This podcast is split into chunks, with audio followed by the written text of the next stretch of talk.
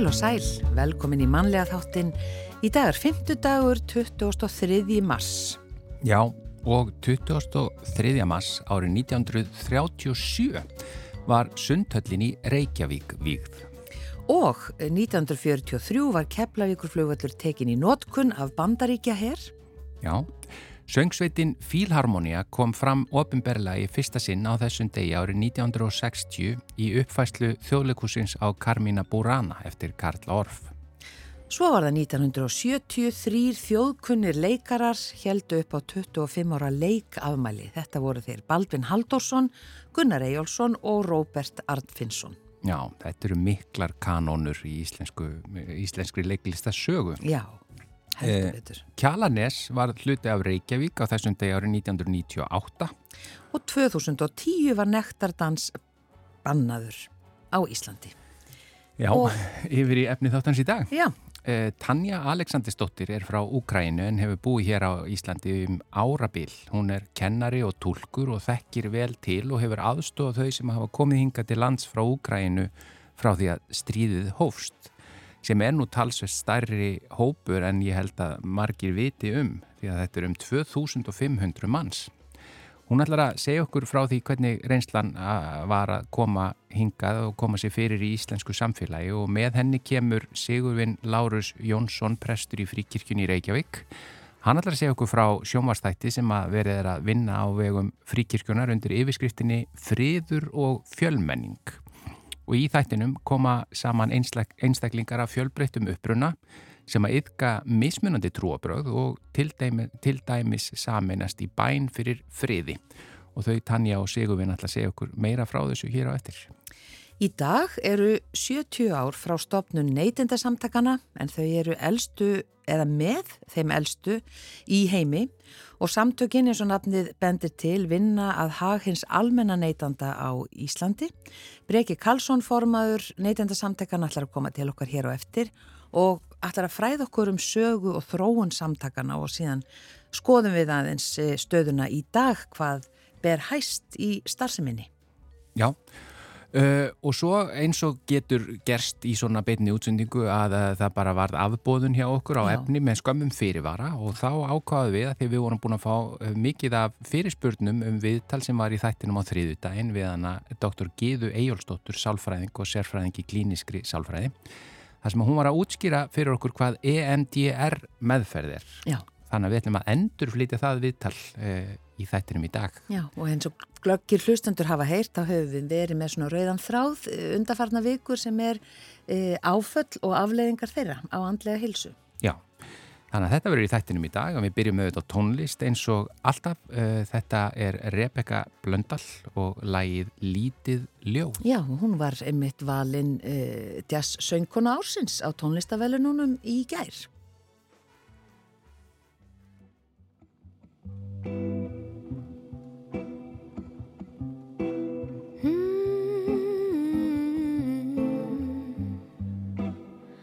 Lítið ljóð á minni smiða Stikkor sem að lýsa þér.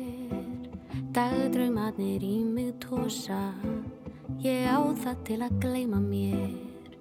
Lítið bleik á réttri stundu Brósið alveg brætti mig. Hóvarðin hún heldur í mig Því ég var bara að hitta þig einhver smuga að þú sért með mig í huga. Látir litla ljóðu duga í þetta sig er einhver smuga að þú hafi mig í huga? Og að þú gætir hugsað þér að færa vanga þinn við vanga mig. Stóru orðin koma síðar.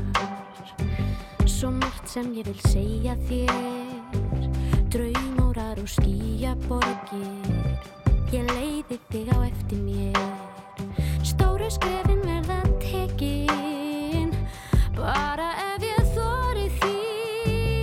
Hendur mín að munu finna lífið þinn að handa. Ég er komin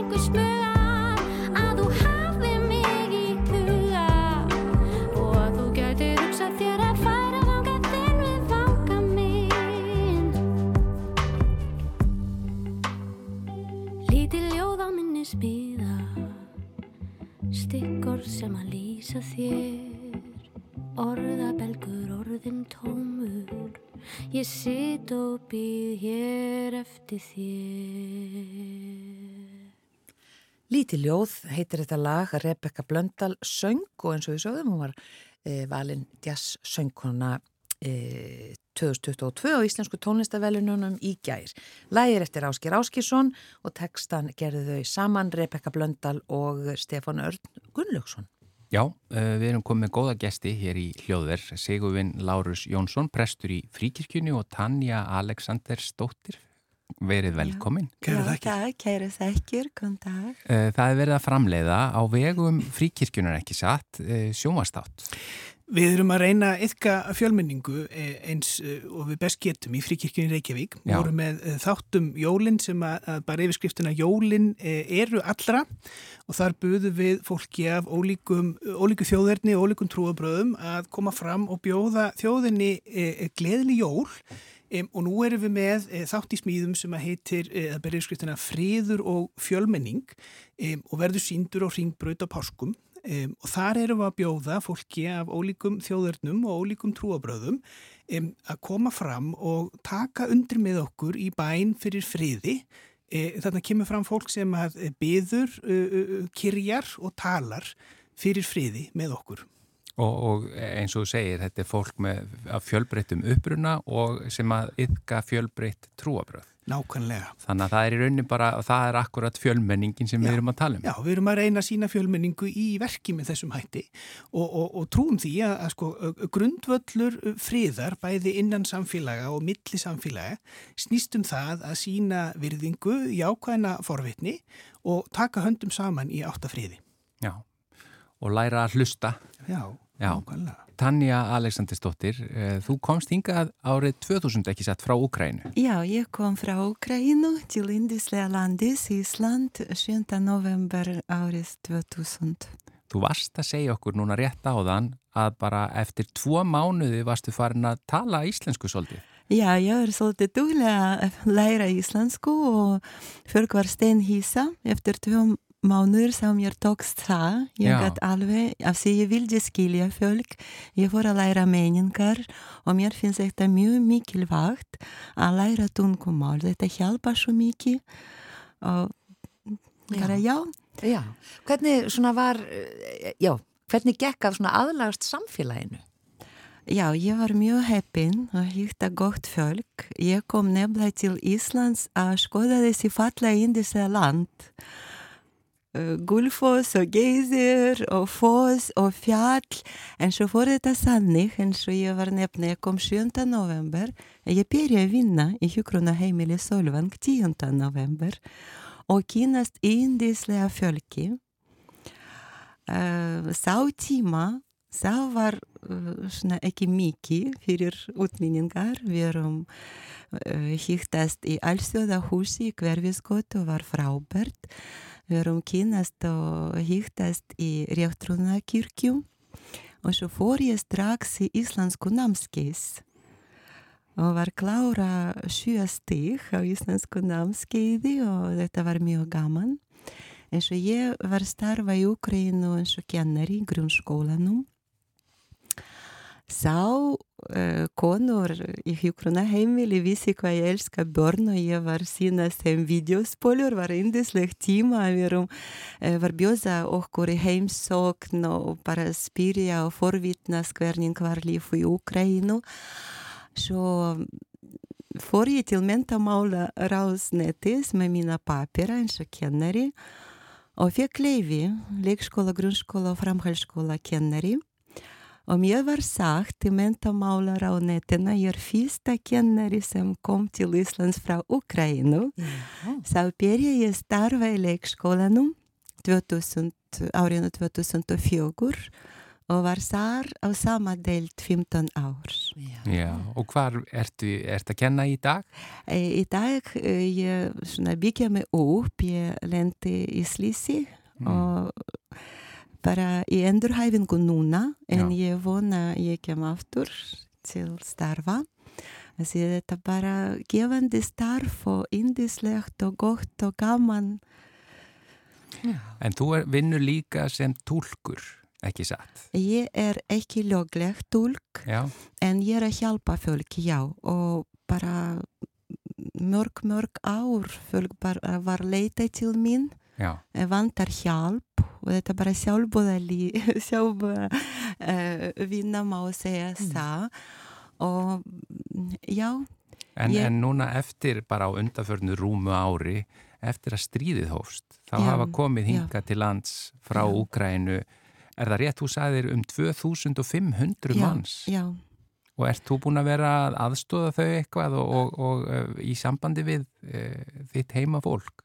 Já, frá fyrsta deg þetta fölk byrja að koma til Íslands uh, í byrjunni mars, flottamenn og þetta var mjög erfitt, mjög erfitt að sjá fölk og skilja hvað upplifum þetta er og ég bara sjálf mjög, mjög stressu kvísin út á staðum inn í heimalandi Já. og daglega tala við aktingjar og vinnir mínir en jú, við vorum þetta indislegt fölk Já.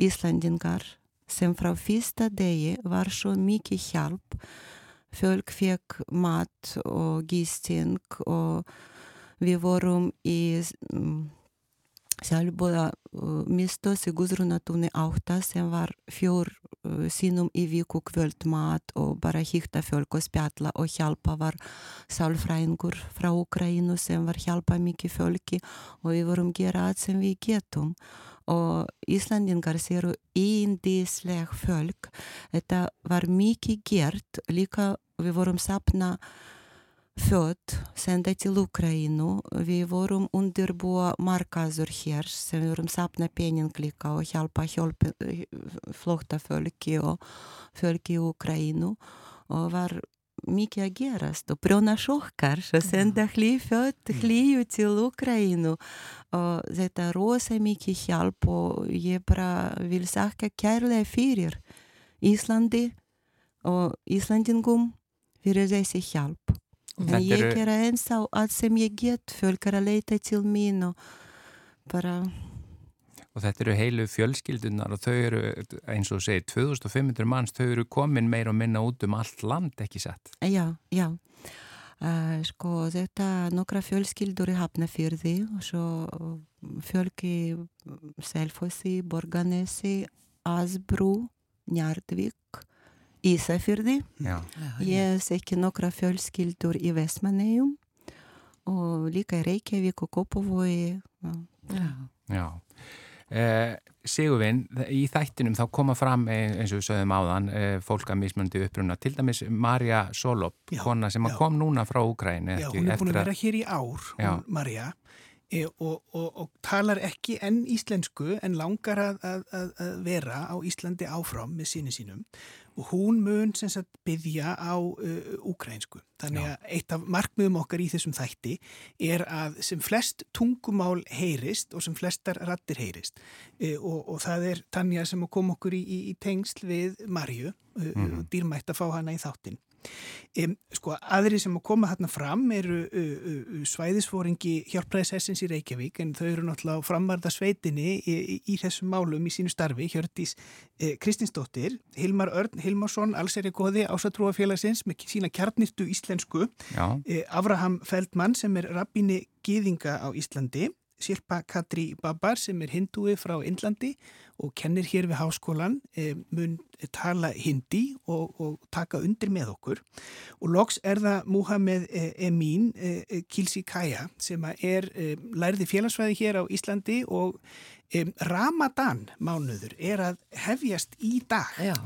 E, og mér langar bara til þess að sko að því við erum að tala hér um fjölmenningu að nota tækifæri með sama hætti og við báðum uh, fólk af ólíku, ólíkri trú að uh, óska Íslendingum gleðilega jóla því jólin eru allra uh, að bjóða þeim múslimum sem að, að búa hér á landi Ramadan Mubarak blessaðan Ramadan mánuð. Já, það er hér með komið til skila. Já En uh, þakk ykkur, og hvena verður þátturinn síndur? Á... Það verður síndur á páskadag uh, á Ringbraut. Mm. Með öllu þessu fólki og öllu, allir þessi fjölbreytni, það er fjölmenningin. Já, Unna Torfadóttir e, syngur og, og það flotta tónlistafólk sem að veru með í fríkirkjunni Reykjavík. Já, þetta er klukkutíma þáttur með tónlist og, og hugleðingum ykkar ekki satt líka þegar hjálpstu magni. Já, og það er snúa allar að því að sko hvernig yfkum við frið e, á 21. öldinni, það er með samhegð, e, skilningi og e, upplýsingu með forvitni, forvitni þekkingu að þá er okkur allir við færir. Sigurvinn Lárus Jónsson, prestur í fríkirkjunu og Tanja Aleksandrisdóttir, takk kærlega fyrir komuna í manlega þáttin. Sömu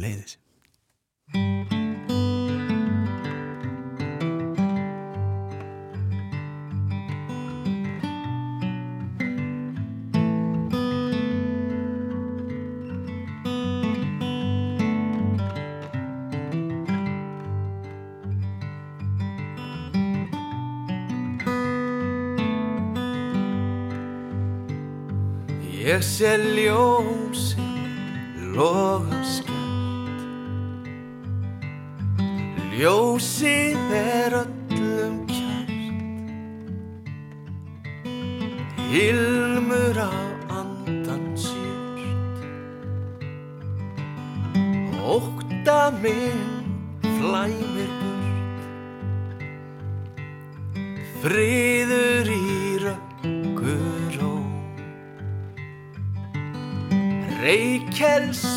og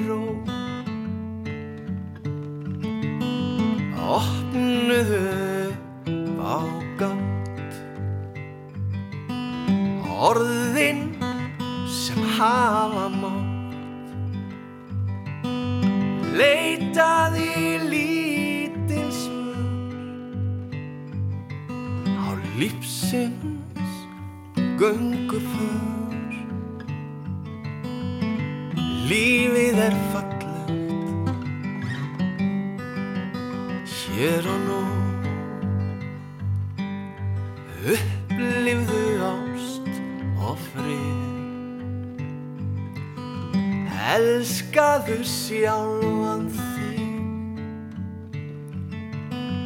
Leitin er ljósið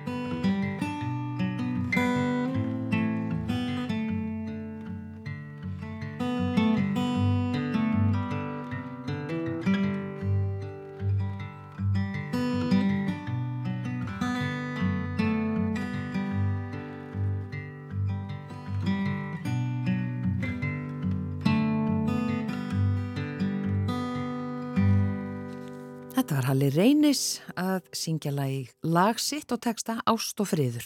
Já, og við viljum endilega koma til skila frá henni Tanju, uh, Tönju Aleksandersdóttur sem er frá Úkræni sem var að spjalla við okkur hérna áðan að sem sagt hún er að fara að syngja ásamt 40 konum uh, frá 25 löndum á tíu tungumálum uh, með multikulti kórnum. Það eru sem sagt tónleikar á laugadaginn klukkan 14 í Hannesarhaldi. Já.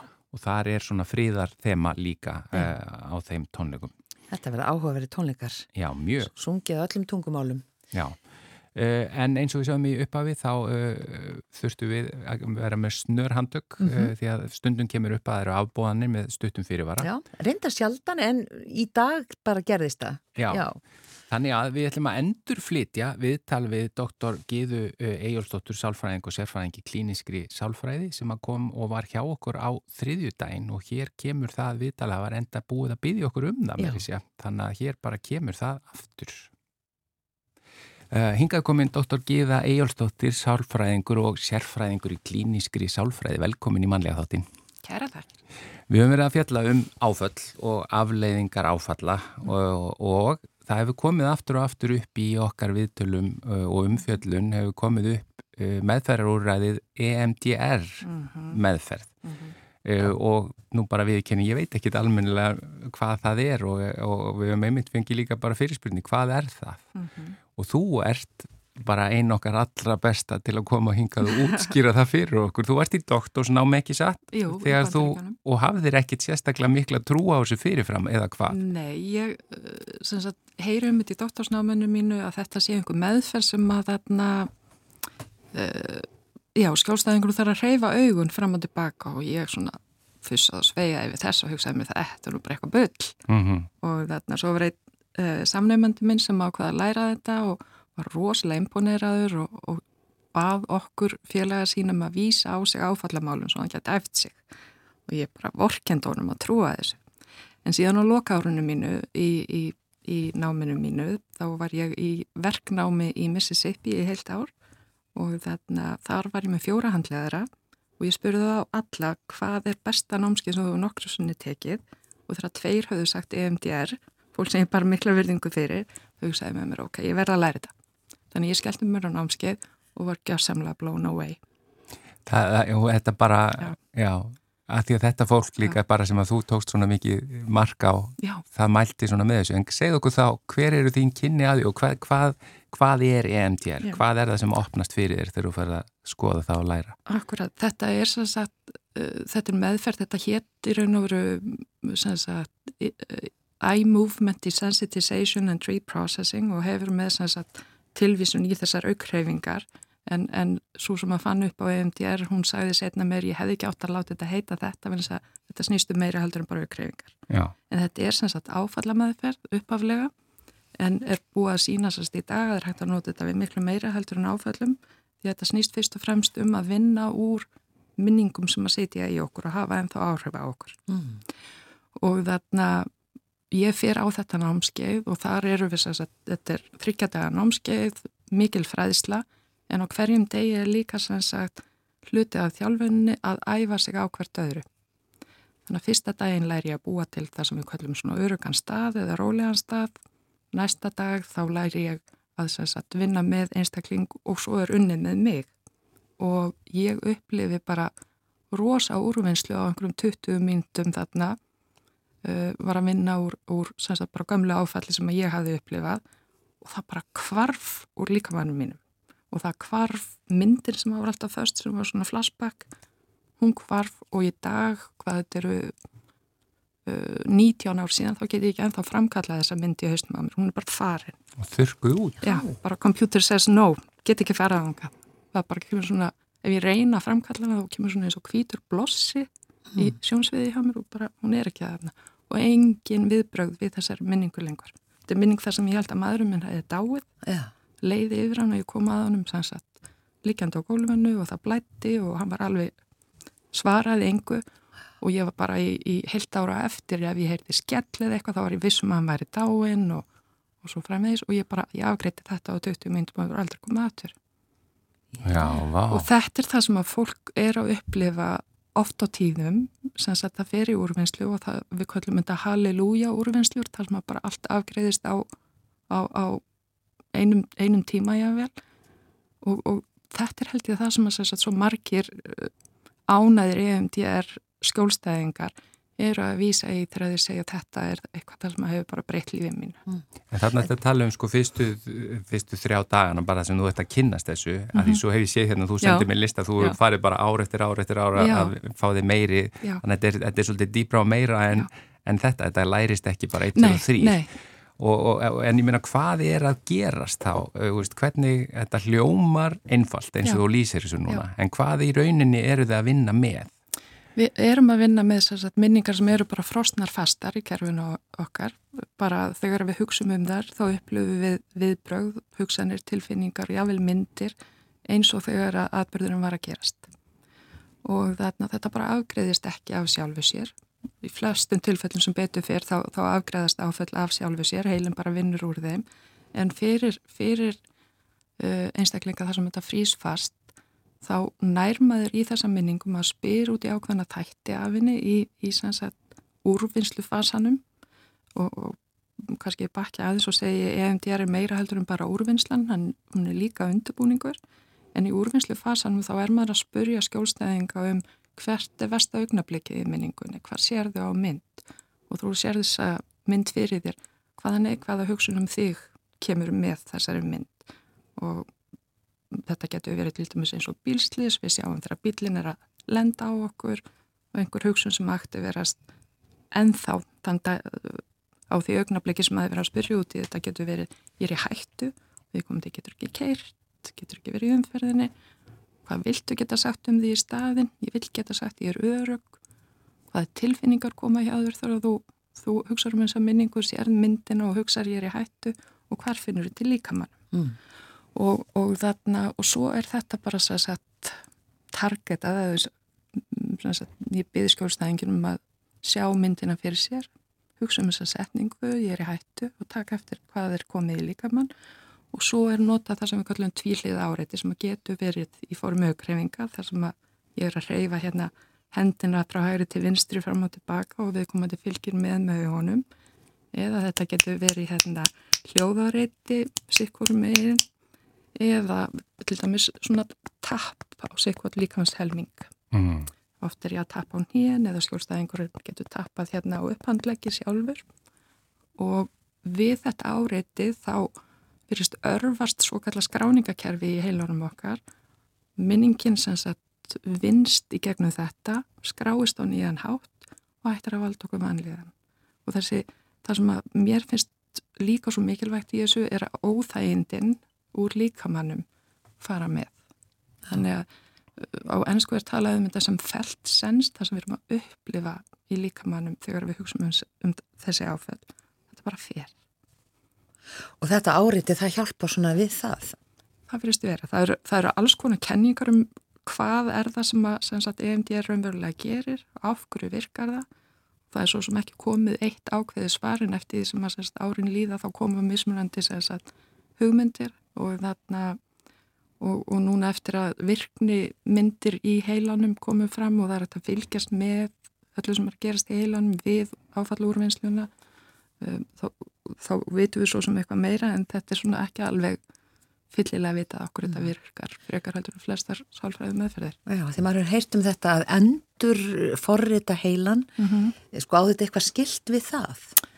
Endur forritin Nei, þetta Nei, er, þetta er forritun þá, þá hugsa ég það er eitthvað sem einhver annar gerir mm. við heilan en, en í EMTR meðferð þá á öll vinnan sér stað innra með þér nema þú sér komin í mjög flókin áföll sí endur tekin áföll og þarna það sem við kallum flókna áfallastreitur öskun þá getur þurft meira heldur en nefnd ég er með þér mm. og þarna þess vegna held ég að ég hafi farið á kavi þetta á sínum tíma því að um, fyrstu árin þá, þá var maður að reyka sig á heyrðu mér vant af meiri verkfæri hérna ég næ ekki í gegn við komum til dæmis ég fór á stað með einhvern sem var gífulegri vanliðan en leið og ég fór á stað með aukreifingar þá allt í nú bara kvarvalt og ég var svona, hm, hvað var þetta? Þannig að ég fór að afla mér handleiðslu, læra meira, fara á námskeið úti, vera bara á kafið sem fræðum síðan 2004. En þetta með að, að ef að EMDR meðferð hefnast, mm -hmm. er það þá í rauninni eh, næst þá að þurka í rauninni út eða, eða lækna eða laga eh, eitthvað áfall, mm -hmm. þá bara það þarf ekki aftur að, að meðhöndla það. Er það þá bara í rauninni komið þar? Í einföldum, við getum sagt í einföldum þarna áföllum, Já. það sem að eins og, eins og við munum kannski eftir Oklahoma City bombings hérna fyrir fjö, uh, þó nokkrum árum Já, já. þar var uh, rannsók sem fór í gang fólk sem var ekki með áfallasögu fyrir þessi atveg það þurfti yfirleitt um þrjá tíma til þess að bara tækla þetta áfall Einhver svona einangruð áföll Já. sem að eru, já, en ekki einhvað sí endur teki kannski gegnum Nei. langan tíma Nei. og þá er það væntanlega flóknara. þá er það flóknar og við erum almennt sem sagt, uh, protokólið er þú vinnur fortíð, svo vinnur nútíð og svo vinnur til framtíðar. Og þarna eins og ef við tölum um bílslýs, það er bílslýsi sem áttir sér stað hvernig þú ert hrætt eða hrættur eða hrætt í, nútíðinni og svo tilöksunum að fara aftur út í umferðina. Og Mhm. jável ef einhver svínar fyrir þig eða eitthvað þess áttar þannig að fortíð, nútíð, framtíð. Og ef að það hefur mikið gengið á þá er þetta aðeins, aðeins flóknara. Já, en svo að við höfum til dæmis í okkar e, samtölum hér við sérfræðinga um áföllin að eitt af ein, einkennum áfalla er þessi forðun, það er að segja að, að í rauninni þú getur ekki horst í augu við áfallið og, og afleðingarnar e, og, og í rauninni gerir allt sem þú getur til að flýja þar afleðingar og en, er, gerir það ekki til dæmis meðferðina, EMDR meðferðina erfiðari eða hvað? Hún getur reynd á en það sem er svo gott við hana er vinnan fyrir fram í viðtölunum. Það er ekki heimavinna það sem þú þarft að vera uh, fara út í umferðina, æfa þig eða ert með liftufælni að vera upp og niður í liftu eða eitthvað þess áttar. Þannig að kvíðinn sem að kemur í úrvinnslunni hann er tímabundin. Hann er, uh, fólk finnur yfirleitt mun á sér bara á einum tíma Mm. af úrvinnslu. Þannig að þú byrjar í kannski rosalegum óþægindum 8, 9, 10 á skala um 0 til 10 en er kannski komin nýri 0 í loktímans eða nýri 5 og það er mikið auðveldara og, og þarna, þetta er ákveðið svona uh, við getum kallað exposure þá er ég slettið Mm. uh, eins, eins og margar aðra meðferðir en þetta er svo tímabundið út í þetta gerist í viðtalinu og bilateral áreitið hraðar öllu ferlinu þannig að þú finnur svo hratt mun á þér. Já, Já, þetta er mjög Sem- áhugavert. Já. Þetta er rosalega áhuga. og sem þýðir að þú þarft á færi skipti líka. Uh, já, samanbörðaransóknunar eru, eru þannig sem sagt, ef, við, ef við byrjum saman ham, til dæmis hugur hann atverðlis meðferð og EMDR er að uh, þær virka svipa vel. Mm. Uh, það er almennt talið að EMDR meðferðin þólist betur að það er færri sem að sem sagt, uh, hætta í meðferðinni uh, í þessum samanbörðaransóknum heldur en þeir sem að fara í hamhópin og þarna og það er ekki heimavinna. Það- Sumu tilfellum getur þetta verið stitri tími, stum tilfellum sami tími. Já. En þú ert eina af þeim fyrstu sem að læra þetta eða ekki frá Jú. Íslandi og nú er bara komin talsverður hópur sem Já. að þú átt stóran þátt í að, að Já. menta. Akkurat. Já, þannig að það, það er hægt að, það er til dæmis hægt að benda á emdr.is, það eru upplýsingar. Það er, uh, það er heimasíða félagsins okkar Já, og svo er emdrstofan.is. Uh, þar er stór hópur EMDR meðferðaðilega samankomin. Ég stopnaði þá stofu fyrir nokkrum árum og þarna við sem höfum verið þar höfum verið á kafi í þessari meðferð og þar er líka hægt að finna upplýsingar um þarna uh, áfalla bækur sem að ég þýtti og þegar það vantaði svo mikið upplýsingum og, Mhm. og lesefni á íslensku. Þar eru þarna bati eftir áföll, um, handbók fyrir þólendur og það er bati eftir áföll flettiritt fyrir meðferðaraðila sem vilja kynna sér meðferð við áfallalíðan. Ekki spesifíst fyrir EMDR meðferð, heldur bara almenn fræðsla. doktor Gíða Eyjólfsdóttir, Mhm. sálfræðingur og sérfræðingur í klíniskri sálfræði, þakka er innilega fyrir að koma og útskýra fyrir okkur EMDR hér í mannlega þættinu. Mín var ánægin, takk.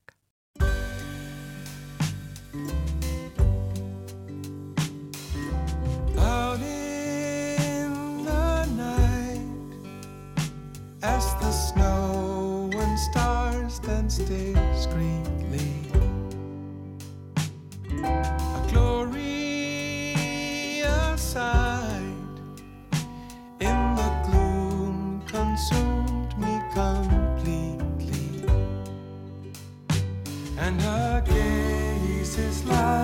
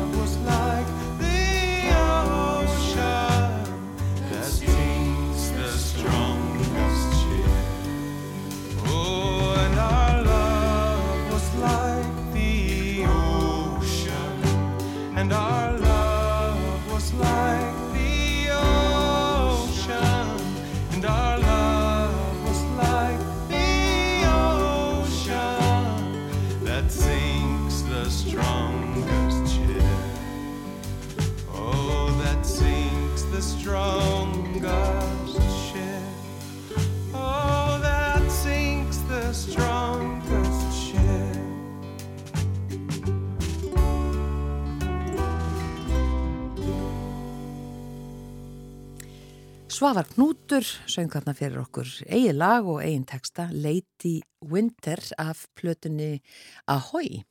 Já, hann er bara að fara að syngja annað kvöld á söguloftinu, uh, þar sé að vera með svona kvöldvöku á söguloftinu í, í landnámsetri Íslands. Svavar Knútur, uh, frábær. Já. En talandi um einhvern frábæran, hingaðu komin, er þetta ekki góð tenging? Breki Karlsson formaði neytendasamtakana. Það er aldrei lís.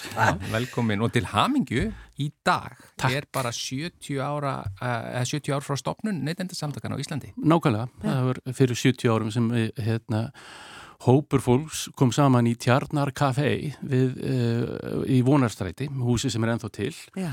og stopnuðu neytundansamtökin formlega og Já. hafði nú haft uh, hérna, langan aðdraganda að uh, Sveitn Áskilsson sem, sem var formaður fyrstu 15 árin í, hjá samtökunum, hann hérna, held útvarpserindi, hann var útvarpsmaður, var, var með vinsala spurninga þætti hér í útvarpinu. Og hann held erindi, tvö erindi í oktober árið áður og, og það sem hann kallaði eftir samstöðu neytenda, hann hefði kynst því námi það sem hann var í, í Svíþjóð. Uh, það sem dönsku uh, hérna, húsmað, danskar húsmaður hefði tekið sér saman og stopnað neytenda samtöku danskra húsmaðura og hérna með þá fyrirmynd þá kom hann hingað og, og kallaði eftir því og, og hérna, fólk í kringum hann hérna, svaraði kallinu og Og þennan dag, fyrir 70 árum síðan, það voru uh, neytendasamtökin stopnuð, líklega þriðju eða fjórðu eldstu neytendasamtök í heimi. Já, það kemur dálítið á óvart. Já, einmitt. Ég, ég, sko, við vorum að ræða þetta bara áðurnum fórum í loftið. Ég velti því fyrir mér hversu góðir innan gæsalappa neytendur Ísland, eða meðvitaði neytendur við erum Íslendingar. Og þú vilt meina að það sé bara talsveit betur en ég held. Já, sko, það er þessi mýta að íslenski neytendur séu lélegir og það er bara, held ég að það hefur verið tuggin og oft í okkur það, að, þannig að við erum farin að trúa því. En, en uh, samkvæmt rannsókn sem var gerð fyrir þremur árum, Európsku, uh, hérna, Európusambandi gerði rannsókn og þar kom bara ljós að íslenski neytendur voru þeir næst bestu í Európu. Einungis danskir neytendur eru betri neytendur heldur en íslendingar.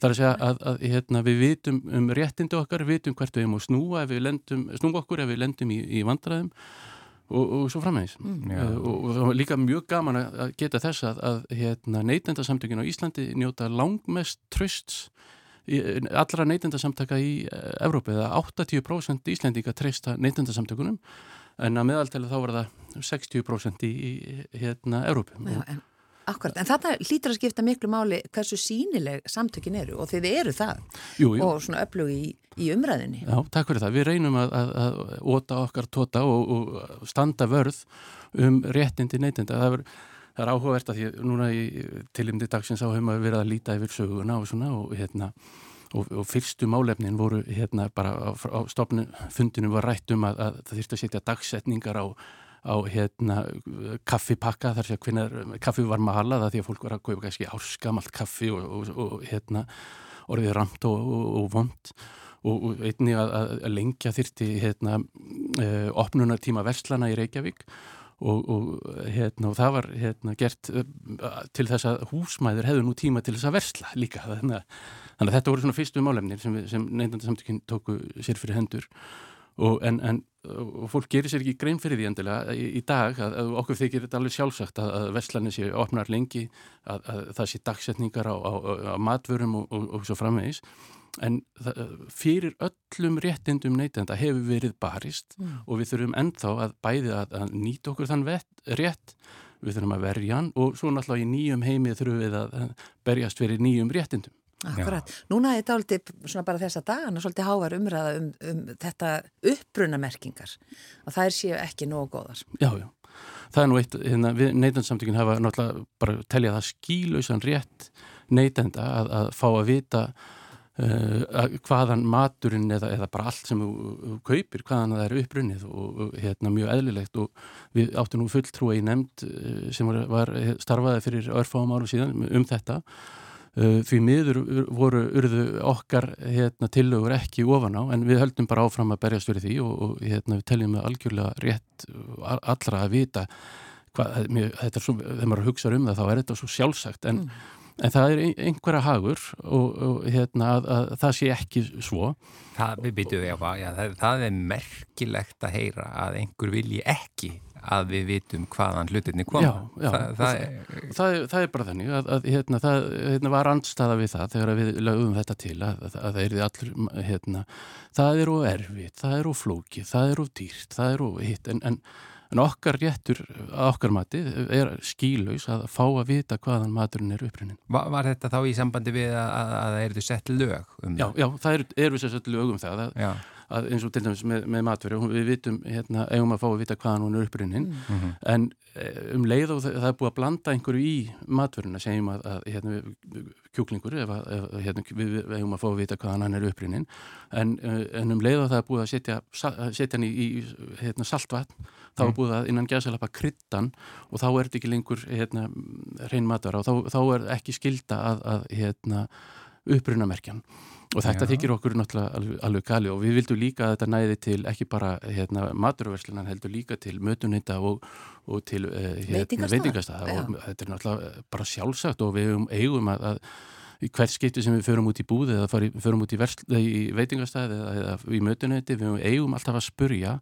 Því að þannig eh, kemur, kemst þetta á og, og við höfum að, að krefjast þess að vita mm. hvaðan maturinn okkar er, er komin og við getum sjálf eh, hérna, ef, ef við krefjumst þess þá, þá munu hérna, mun okkur vera svarað. Já, akkurat. Já, og setjum við þrýsting á Já. þetta. Já, og sumir gera þetta mjög vel, við skulum ekki gleyma því en það eru margir sem gera það bara ekki. Nei, þetta á bara að vera gegnum gangandi. En, en er sko, er það mikið þannig, það er að segja hjá neytendasamtökunum að, að þið þurfuð að hafa fyrir því að láta framfylgja lögum. Það séu jafnveg lög sem eru bara til staðar en það, þeim er ekki framfylg. Já, já, og við erum, og svo náttúrulega eins og með lögin að, að sögum lög eru sko, er, hérna, er ekki alveg kýr skýr en mm. hérna og, og það maður tólka þau á ímsan hátt þannig að við erum, höfum þurft að láta í gegnum tíðin að láta reyna á það okkur hefur verið stemt og við höfum stemt fyrirtækjum í, í, alveg frá upphæfi og hérna það er gaman að segja frá því að, að fyrsta dómsmáli sem neytundarsamtökun hérna, tóku þátt í var, var uh, allræmda þvottaefni Vílevask sem var flutt inn frá Damörku og innflytjandin sagði að þetta var miklu betra þvóttaefni heldur nokkur önnur í, í, hérna, sem bóðstólum var á Íslandi. Uh, Neytendasamtökin letu kanna þetta og, og rannsaka það, sendu hérna, síni út til Þískalands og, og fengu tilbaka eini munur var að það var meiri klóri í þessu hérna, og þannig að það fór mjög ítla með þvottin. Við vöktum aðtegla á því þetta var í 1954, ári eftir að við hófum störf uh, og innflytjandin stemdi samtökunum og hérna og, hann, innflytjandir, vann málið fyrir verslunar á sjórétti Reykjavíkur sem Já. þá var.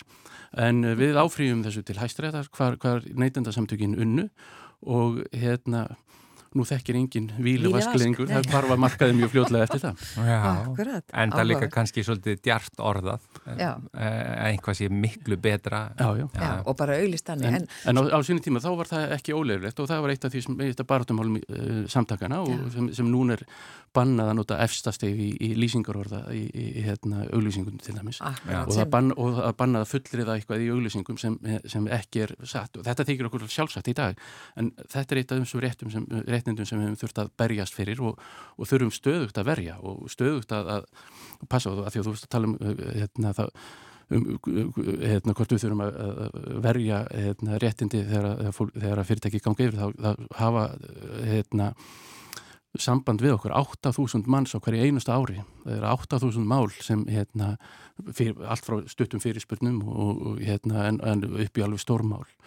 Og, og það má kannski gaman að geta þessa því ákvarðat núna þegar, hérna, þegar við sittum hér í þessu hljóðveri þá er verið að flytja mál fyrir okkar hönd í, uh, fyrir eftir-domstólunum í Luxemburg þar sem hérna, við stemdum uh, böngunum þreymur fyrir uh, hérna, það sem við teljum að vera ólöglega vexti á, á, á breytilegum lánum og í, í dag er verið að taka það mál fyrir hérna, eftirdómstólunum og, og munlegur málflutningur í gangi ákvært, ákvært núna. Já, og hvað, það sem kemur út úr því, ég meina, gæti það haft, já, hvað já, ég segja, fordama Fordæmi fyrir okkur öll. Já, já, það geti, hérna, allir sem eru með lán með breytilegu vöxtum, það geti haft áhrif á öll lán, uh, hérna, öll lán á Íslandi með breytilegu vöxtum, eða, eða segja, lang, lang flest lán. Mm. Þannig heldur betur í, í, í dag, já, já, á, ável við í dag, við allar þessar vaksta hækkanir og, og vaksta breytingar.